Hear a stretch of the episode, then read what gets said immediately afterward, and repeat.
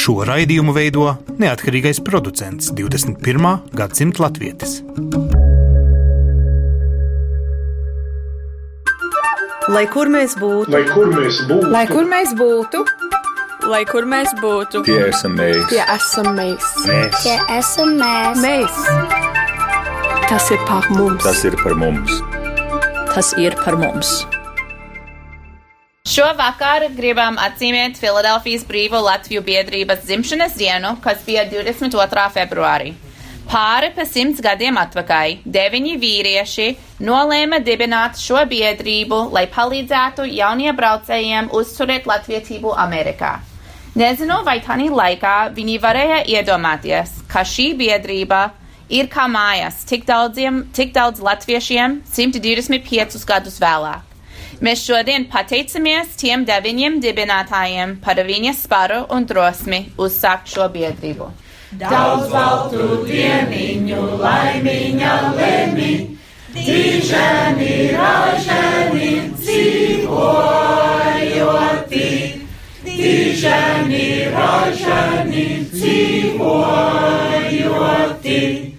Sveicināti! Raidījums 21. gadsimta latvietis. Šodien, kā dzirdat, mēs svinēsim ļoti svarīgus vēsturiskus notikumus, faktiski mūsu tautas pieredzē.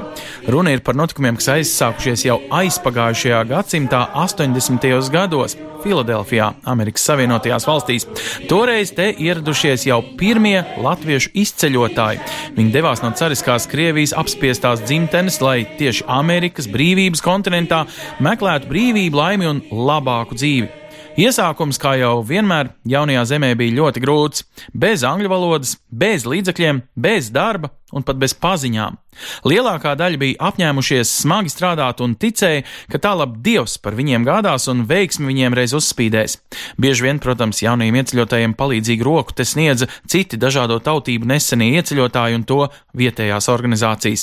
Tālāk, jauns kaparkalējs no kurzemes, Fricis Lešinskis kopā ar draugiem, uzskatot, ka arī latviešiem ir vajadzīga sava organizācija, sanākuši 1892. gada 22. februārī, lai dibinātu Filadelfijas brīvo Latviju biedrību, jo pats svarīgākais viņuprāt arī svešā krastā latviešiem ir brīvība. Tā pirmā laicīgā latviešu organizācija Filadelfijā tika dibināta un tās statūtos īsi un kodolīgi izteikti biedrības mērķi, kas vēl labi kalpo latviešiem Filadelfijā līdz pat šai baltai dienai - savstarpēja palīdzība, labdarība un izglītība. Starp citu, par biedrības dibināšanu un latviešu dzīvi Filadelfijā plaši aprakstīts Roberta Līduma grāmatā Latviešu brīvības meklētāji, kas izdota 1973. gadā par Filadelfijas latviešu kopienas pirmsākumiem. Tur rakstīts šādi. Šī ir pirmā laicīgā latviešu organizācija Filadelfijā. Kā pirmā Filadelfijā bija nodibinājusies Filadelfijas pirmā latviešu baptistu draudzene jau 1891. gadā ar 11 draudzes locekļiem. Pēc 1900. gada Filadelfijas latviešu skaits ir ievērojami pieaudzis, un organizēto vienību skaits jau pārsniedz 12. Draudzes, kori, teātris trupas, mūzikas pulciņi, orķestri un politiskie pulciņi. Latviešu ieceļotāju skaits Filadelfijā turpina augt, un tā kā bijusi vēlēšanās svešumā latvietim būt latviešu tuvumā, tad jau pirmajā gadā jaunās biedrības biedru skaits sasniedz 23.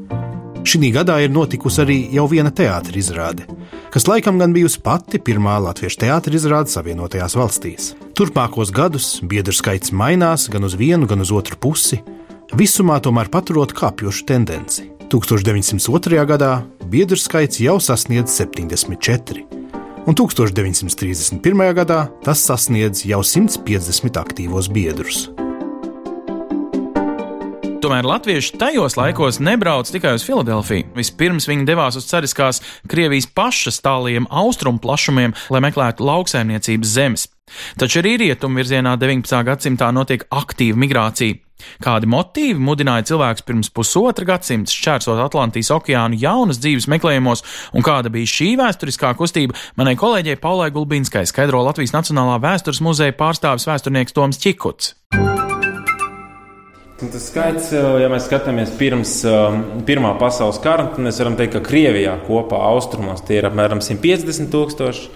Jā, un tad rietumu virzienā, nu, tajā laikā mēs varam teikt, tie 15, 20 tūkstoši vismaz tā kā tie ir apmēram 170 tūkstoši latviešu ārpus Latvijas, nu, kas ir liels cipars. Mēs šodien sakām, nu, vairāk kā 200 tūkstoši ir latviešu ārpus Latvijas.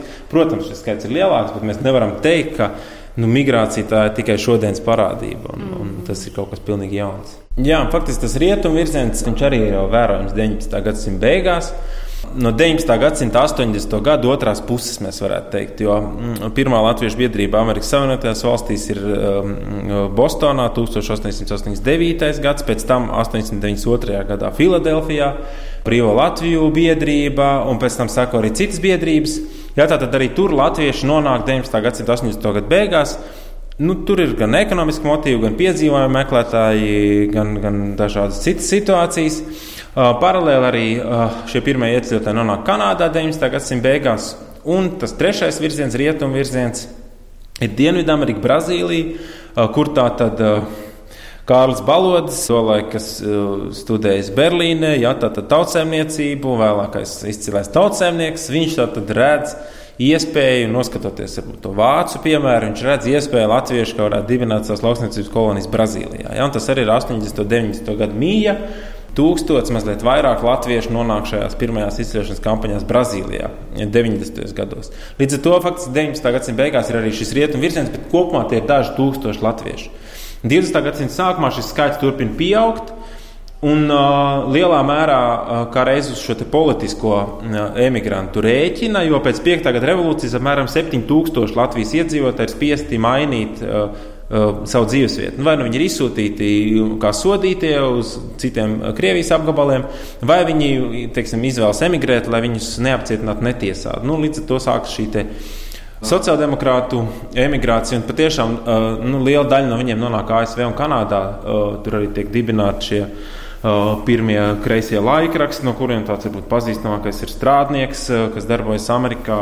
Tur arī uh, kanādas latvieši iesaistās. Uh, Tur ir pietiekami izcili redzami sociāldemokrāta vārdi, kā piemēram Jānis Ozols, kas ir arī bijis Krievijas valsts otrās domas deputāts un viens no ievērojamākajiem latviešu sociāldemokrātiem gadsimta sākumā. Viņš arī visu mūžu nodzīvoja ASV, viņš nu, nav starp tiem, kas atgriežas Krievijā pēc revolūcijas. Un tur arī citi pietiekami redzami tādi kreiso politisko latviešu darbinieku vārdi. Tad ir patiešām šis kreiso emigrācijas virziens. Un tur faktiski izveidojas divas tādas pietiekami konfliktējošas kopienas jau tolaik, ja tieši nu, šo atšķirīgo politisko redzējumu dēļ. Jā, un šie kreisie, protams, ir pietiekami radikāli tur dzīvojot, un daļa no viņiem arī atgriežas Krievijā pēc revolūcijas un ar mērķi celt šo jauno padomu Krieviju. Tāds ir viens no šī te, mm, strādnieka, Amerikas Latvijas kreiso laikraksta redaktoriem Jānis Kļava, kurš ir izceļojis no šī pārceļotāja ģimenes Ufas guberņā. Viņš ir dzīvojis Brazīlijā, Kanādā 20. gadsimta sākumā pēc 5. gada revolūcijas, un tad pēc revolūcijas cerībā celt šo padomu Krievijā, atgriezies padomu Krievijā. Jā, tā tad pietiekami raiba no tā geogrāfiskā viedokļa, tāda biogrāfija. Tas ir viens piemērs. Pēc tam, ja mēs skatāmies uz 20. gadsimtu, ir Pirmais Otrais pasaules karš, un tad ir tas lielais jautājums. Mēs zinām, ka no Otrā pasaules kara bēgļiem daudz ir nokļuvuši Ziemeļamerikā. Kā, vai, vai vēsturniekiem ir zināma tā attieksme vai, vai vērtība orientācija, sadursme tajā brīdī, kad Ulmaņa laika latvietis nokļūst Amerikā vai Kanādā, kur viņu sagaida piektā gada pārliecināts sociāldemokrāts vai pat radikāls komunists, nu, kā izveidojas tur tā, tā latviešu kopiena, vai nav milzīgi konflikti savā starpā un tādas šķelšanās?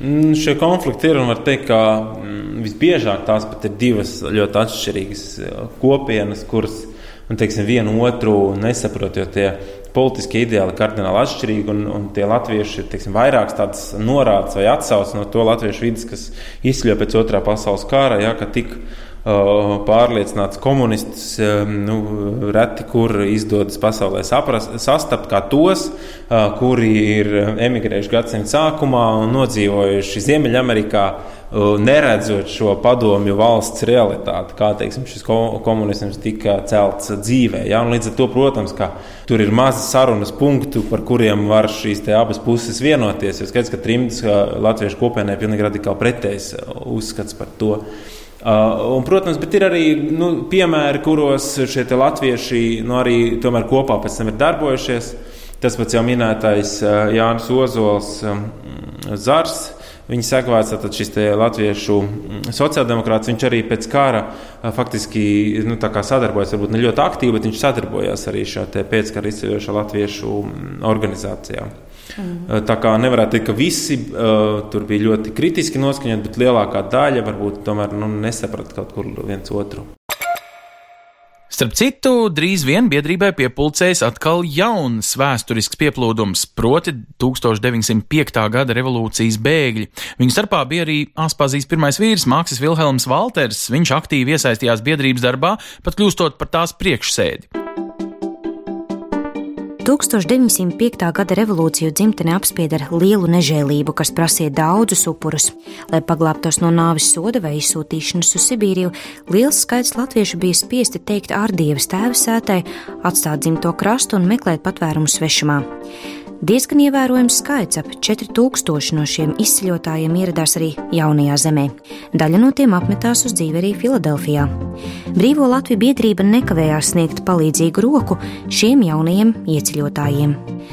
Ja līdz šim biedrības rindās bija pulcējušies galvenokārt tie latviešu ieceļotāji, kas savu tēvu zemi bija atstājuši, lai svešumā meklētu labāku dzīvi, tad jaunie ieceļotāji, kas šo krastu sasniedza pēc 5. gada revolūcijas, bija jau izteikti politiskie bēgļi, kas dzimteni vairumā bija atstājuši nelegāli, lai izvairītos no politiskām vajāšanām. Tie bija jau politiskie emigranti, kas cīnījās sociālisma vārdā. Šie politiskie bēgļi, pievienodamies Brīvo Latviju biedrībai, diezgan jūtami pārveidoja biedrības vaipstus. Bieži vien viņu politiskie uzskati biedrības pasākumos guva virsroku, un tā to iespējas turpinājās līdz pat 50. gadiem, kad biedrības valdībā sāk aktīvi piedalīties tie latvieši, kas šeit ieradās pēc otrā pasaules kara un bija ar komunismu iepazinušies no savas pieredzes dzimtenē un vēl 1945. gadā biedrība vāca ziedojumus, ko sūtīt trūkumcietējiem Latvijā. Tomēr jau 1946. gadā biedrības biedri beidzot saprata, ka okupētajā Latvijā tās sūtījumi nesasniedz adresātus un ziedojumu un atbalstu sūtīšanu viņi pārtrauca. Tālāk līdzekļus ziedoja latviešu bēgļu atbalstam Rietumē Eiropā. Esam pienākuši pie tā laika, kad Filadelfijā sāka jau ierasties pirmie ieceļotāji no Eiropas pārvietoto personu nometnēm. Drīz vien pēc ierašanās svešajā pilsētā šie jaunie latviešu ieceļotāji uzmeklēja brīvo Latviju biedrību un pamazām sāka ieplūst biedrības rindās. Tā piemēram, jau 1949. gadā sapulcē par aktīviem biedriem ir uzņemti jaunie ceļotāji Kārlis Dumpis un Kārlis Neimanis. Liekas, šie divi būs paši pirmie biedrības biedri, no jauniebraucēju vidus. Ar 49. gadu biedrības dzīvē ir it kā iesācies jauns posms. Biedrības rindās ar vien vairāk parādās jaunie ieceļotāji, kas ievērojami maina biedrības politiskos vaipstus, jūtam papildinot un pārveidojot arī tās sabiedriski kultūrālo dzīvi. Nākamais vilnis, protams, ir latviešu ierašanās no Vācijas bēgļu nometnēm sākot jau ar 49. gadu. Biedrības darbībā arī viņi aktīvi iesaistījās te vai uzreiz nokāpuši no kuģa no Vācijas, un uh, tagad izzināsim to laiku sajūtas sarunā ar Māju Mēdni. Viņa ir viena no pirmajiem uh, bēgļiem no Vācijas, kura vēl kā jauna meitene, 16 gadīga, ieradās Amerikā un mēģināja iejusties sabiedrībā, kas bija pavisam svešāda. Ne tik tik latviska, kā to saprata toreiz no ulmaņa laikiem aizbēgušie.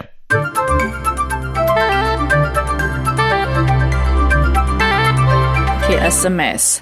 Un raidījumā 21. gadsimta latvietis tagad sapratīsim, kas tad ir šī Filadelfijas latviešu biedrība mūsdienās. Viena no ilglaicīgākajām tās biedrības aktīvistēm eh, pati vadījusi tautas deju kopu dzirkstēle, bet ieradusies Amerikā un pievienojusies šai biedrībai uzreiz pēc otrā pasaules kara Vācijas bēgļu nometnēm.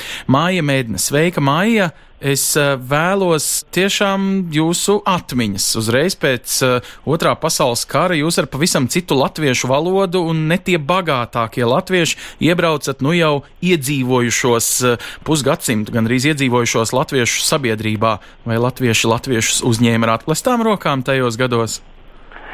Es gribētu pastāstīt, eh, kurā gadā es iebraucu Jā. un, un kā es to visu redzēju. 49. gada decembrī mēs ar ģimeni ieradāmies Amerikā no Vācijas un apmetāmies mūsu tas galvojums bija Vestvirģīnijas, tas ir Amerikas dienvadu štatā, dzīvojām laukos pie zemnieka. Un tur apkārtnē nebija neviena latvieša. Un es tiešām tagad, kad es par to domāju, un es atceros ļoti labi, ka es nekad tā nesmu Latviju mīlējusi, kā toreiz, kā man pietrūka Latvija, kā pietrūka latviešu draugi un latviešu cilvēki apkārt.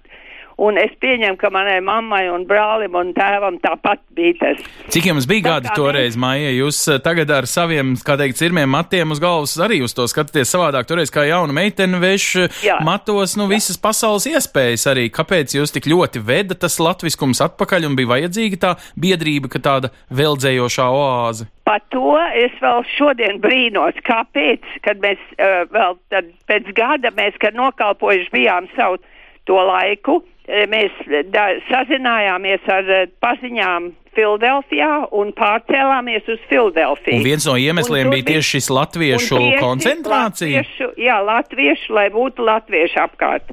Un tur bija daudz gan, gan jauniešu, gan bija arī organizācijas. Bija Latviešu draudze, kas arī ir viena no vecākām draudzēm, man liekas, vienu gadu jaunāka par uh, biedrību. Un otrs bija, mēs atradām Filadelfijas brīvo Latviju biedrību. Un eh, tā kā mēs eh, sākām eh, jaunieši metāmies kopā un sākām organizēties, nodibinājām arī paši tūlīt 50. gadu sākumā Filadelfijas Latviešu jaunatnes pulciņu. Un, uh, tas bija tiešām viens no kuplākiem pulciņiem un viens no pirmajiem. Nu, ko, ko nozīmē kuplums? Kas ir daudz, desmiti, simti? Uh, daudz ved ar vezumu? Es teiktu, es teiktu, toreiz bija vismaz 30, 40. Aha, un tie un, un, bija un, gan vecie, tur jau, var teikt, pus, pusgadsimtu nodzīvojušie? Nē, mēs bijām jaunieši. Tātad jūs ņēmāt varu savās rokās, vai var teikt, ka līdz ar nu, šo pieplūdumu no Vācijas bēgļu nometnēm būtībā tur vairs nevar nevaldīja tie, kas bija izceļojuši Jā. vēl no cara Latvijas? Nē, nē, nē, nē. Mēs šeit bija tikai, tikai, mēs bijām noteikti tikai tie iebraucēji, tie, kas bija pēc otrā pasaules kara iebraukuši. Bet kā notika šī sadraudzēšanās starp šīm divām daļām? Jūs nodibināt savu ah. jauniešu pulciņu, nu, bet tie vecie, Jā. nu, tā visa vara, tā nauda, tā stelpas, tā draudze, nu, tā taču ir viņu nu, pārvaldība. Nu, tur ir tā lieta, ka mums vajadzēja, nepietika vairs vietas mājās satikties, ka vajadzēja uh, lielākas telpas. Mēs aizgājām, apciemojām Filadelfijas biedrības telpas un iepazināmies tur un ar laiku arī iestājāmies tur. Šie biedrības uh, vadītāji mums deva telpas, piemēram, pašiem iznāca savus literārais žurnāls un arī tādi apkārtraksti, ko vajadzēja iespiest, un tur vajadzēja telpas, lai to visu izdarītu. Tad mēs nodibinājām tautsdeju grupu, mums bija muzikas ansamblis, Un uh, biedrība bija ļoti pretim nākoša un mums tās telpas deva. Un uh, mēs arī uh, līdz ar to, ja es pareizi atceros, biedrībā bija jau pārgājis gandrīz tā, ka tur tā valde un esošie biedri, viņi nebija vairs pārāk daudz. Un viņi jau bija pārgājuši uz angļu valodu. Un uh, daudz lietas, teiksim, kad mēs iestājāmies, šī grupiņa, ne tik vien tie jaunieši, bet arī mūsu vecāki un tā. Uh, tā biedrība bija jau nonākusi ļoti tādu ar pazeminātu latvisko kodolu. Bet jā, jā. Um, kā tas uh, izpaudās, tas uh, tika uztverts ar neviennozīmīgu atklātību un atvērtību pret visām jūsu jaunajām, savādākajām idejām. Cilvēki, kas izceļojuši vēl cara laikos, gal galā kaut kādus jā. to laiku jaunos tikumus, likumus, uh, modi, izrunu, gal galā arī latviešu valodas rakstību, ja es pareizi saprotu, jā. daži tur vēl lietoja te vai gotisko latviešu valodu. Es nedomāju, ka veclatvieši, ko mēs saucām par veclatviešiem, ka tie tik daudz, viņiem patika, ka mēs tur darām, bet mums jāatzīst tās gan tās biedrības sapulces un tādas sanākšanas likās ļoti dīvainas. Teiksim, tā bija pilnīgi cita latvietība, kā tu teici.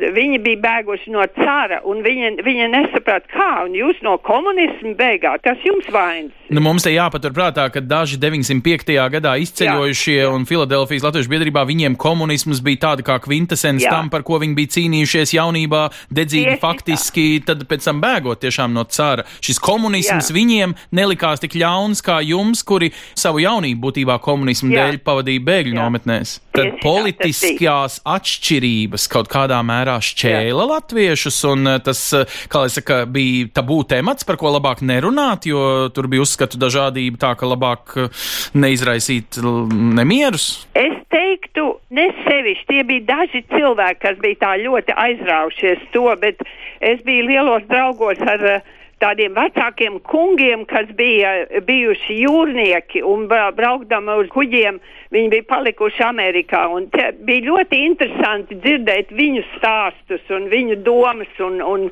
tā teiksim, mēs tīri labi satikām, bet es tagad uh, lasīju no tiem mūsu grāmatām, kad kad bija daži cilvēki tādi, kas ļoti, ļoti viņiem nepatika, ka mēs pieminam Ulmani un, un Latvijas valsts tā nekas nav. Un, Otra lieta, kas mums likās ļoti savādi, bija tā, ka viņi bija mainījuši gandrīz visus savus uzvārdus. Galotni bija noņemti nost, un tāpat visi Jāņi bija Džoņi, un tādas lietas mums likās ļoti dīvaini, jo es ar savu māju varēju izdzīvot cauri skolām un visam.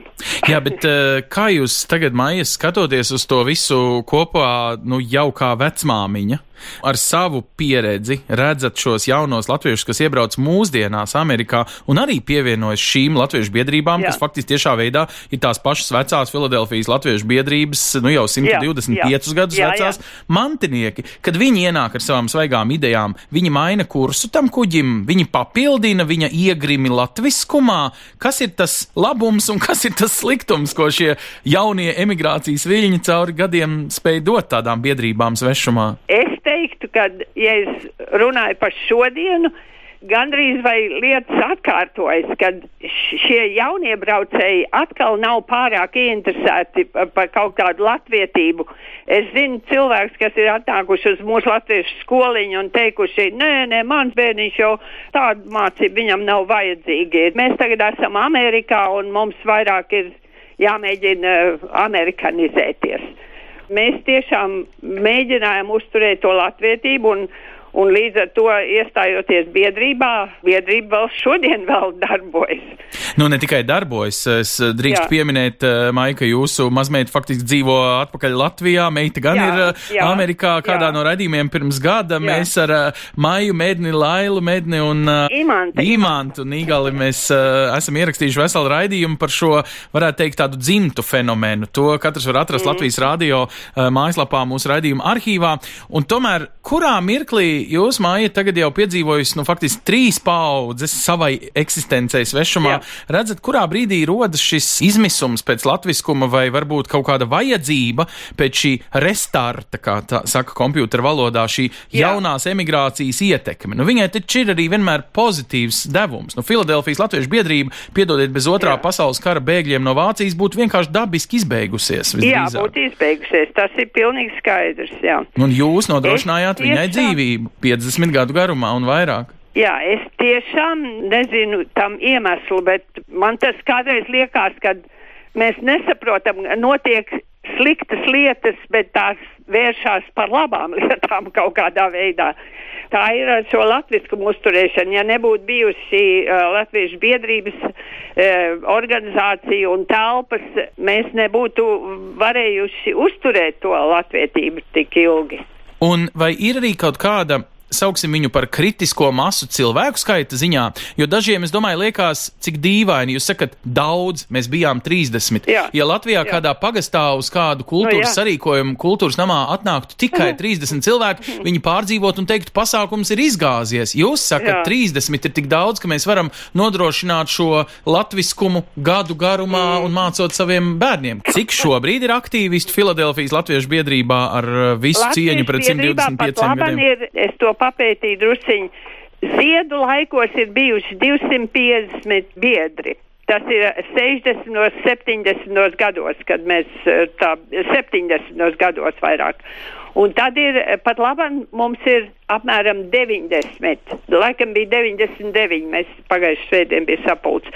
Bet mums ir arī tādi, ko mēs saucam par sociāliem biedriem, kas nu, nav tādi īsti, tie varbūt dažreiz pat neprot latviski runāt, bet ap simtu. Un kas šobrīd ir biedrības svarīgākais? Skoliņa sestdienās vai svētdienās nē, baznīca? Nē, nē, biedrībā nav skoliņa. Biedrībā mums ir telpas.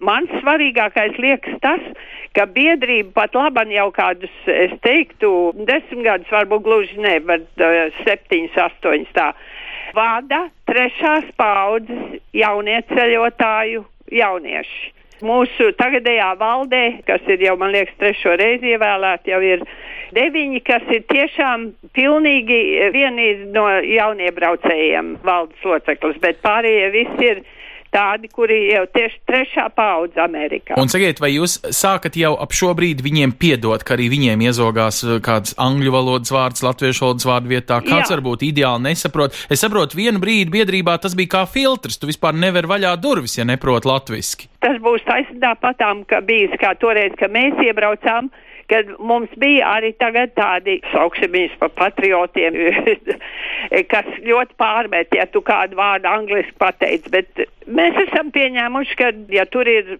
pāris cilvēki, kas neprot nemaz, tad mūsu priekšniece, jaunā priekšniece, kurai ir latviešu valoda, viņa, viņa bija mana skolniece latviešu skoliņā, un viņai dažreiz ir grūti pateikt latviešu kaut kādu vārdu, ko viņa nevar. Viņa lieto angļu valodu, un mēs pārāk par to neuztraucamies. Bet kāpēc tad ir svarīgi nodrošināt šo biedrību? Jo kādu dienu viņas mazmaz bērni varbūt nevarēs Jā. vairs nevienu vārdu, izņemot varbūt kādu iekaltu pantiņu latviski noskaitīt.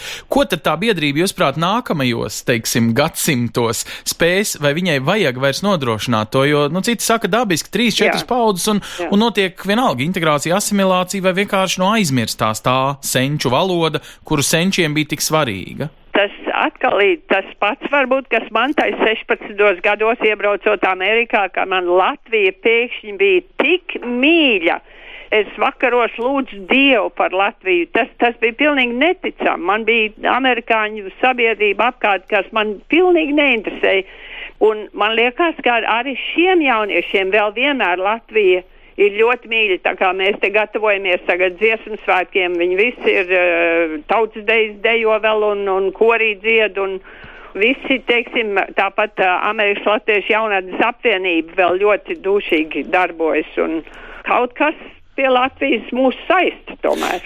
Maija, cik starp citu nu. svarīgs ir tas attālums no biedrības nama? Jums gal galā ir pašiem savs biedrības nams. Es zinu, ka viņš Jā. pat tiek izīrēts arī citām nacionālām biedrībām apkārtnē Jā, uh, darbībai. Un tomēr, nu, Filadelfija, liela pilsēta Amerikas, nu, vienā krastā. Kāds ir tas Jā. attālums, cik tas Latvijas līdz Filadelfijai vai Latvijas līdz, nezinu, kas ir tuvākā nākamā, laikam, Ņujorka pilsēta, kur ir kārtīgs latviešu biedrības nams? Nu, un tad, ja viņš kaut kur pazūd pa vidu starp šīm lielpilsētām, tad viņš ir pazudis Amerikā latvietības izpratnē. Biedrība ir manā laikā, tas bija izdevīgi, eh, kāpēc es pie, iesaistījos biedrībā, jo biedrība ir gandrīz Filadelfijas centrā, un Aha. mēs visi dzīvojām pilsētā toreiz. Bet tagad lielākā tiesa brauc, teiksim, es nevarēšu pateikt jūdžu attālumā, Nu, bet sakiet eh, stundās. stundu pāri par stundā, stundu jeb pusotru stundu, lai tiktu biedrībā.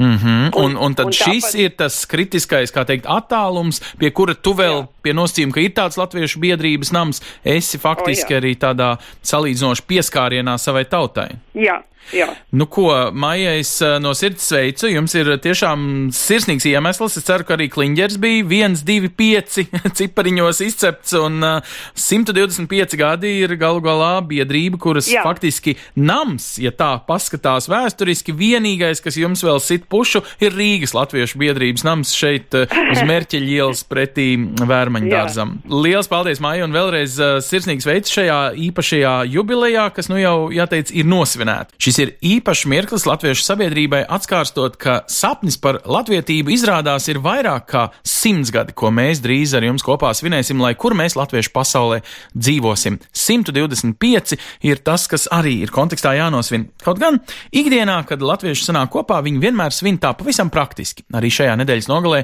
daudzos kontinentos apkārt pasaulē būs dažādi latviski saviesīgi un citi svarīgi notikumi. Par tiem atvedoties mazā ziņu apskatā. Bet tiekamies atkal ar jauniem stāstiem par mums, latviešiem 21. gadsimtā, pēc apaļas nedēļas. Uz redzēšanos!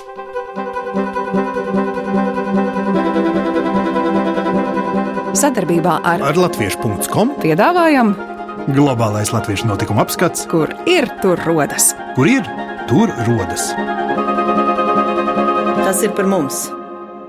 Vācijas un tuvo kaimiņu valstu latvieši aicināti līdz svētdienai pieteikties latviešu literatūras pulciņam Annebergā Bonnā. Sarīkojums notiks nākamnedēļ no 10. līdz 12. martam, un tā tēma šoreiz būs latviešu krimināla romāni un kino. Norises gaitā būs iespējams dzirdēt tādus jomas profesionāļus kā Gunti Bēreli, Ingu Jārumu, Andreju Urdzi, Austri Grasi un citus. Visi dalībnieki varēs kopīgi noskatīties Ināras Kolmanas dokumentālo filmu Ručs un Norī, kā arī uzzināt par mākslas filmas Bille tapšanu. Šonadēļ Dailas teātris viesojās Frankfurtē ar izrādi Ja tevis vairs nebūtu. Izrāde veidota pēc mūsdienu franču autora Floriana Zellera lūgas par cilvēku savstarpējām attiecībām, laulāto dzīvi, kaislībām un patiesības meklējumiem. Režisors Intars Rešetins izrādi ir veidojis kinematogrāfijas stilā un tās noskaņas bagātina komponista Jura Vaivoda mūzika. Savukārt nākamnedēļ, 7. martā, Latviešu biedrība Beļģijā sadarbībā ar Eiropas Latviešu apvienību aicina uz semināru Kas mēs esam, kā radās mūsu valsts un kādi bija apstākļi pirms gandrīz simts gadiem. Semināru vadīs vēsturnieks un publicists Kārlis Sils, un sarīkojumā būs iespējams dzirdēt par vēsturiskajiem apstākļiem pasaulē un Latvijas teritorijā, kā arī par cilvēkiem un organizācijām, kuras Latvijai palīdzēja kļūt par neatkarīgu valsti. Plašāku informāciju par daudziem citiem gaidāmajiem notikumiem, kas saistoši visā pasaulē dzīvojošajiem latviešiem, meklējiet portālā latvieši.com notikumu sadaļā, 21. gadsimta latvietis Facebook lapā, kā arī daudzās, jo daudzās latviešu kopienu mājaslapās pasaulē. Raidījumu veido Ancis Bogustovs, Paula Gulbinska, Arta Skuja un mūsu ārzemju korespondenti. Raidījuma producents Lūkas Rozītis.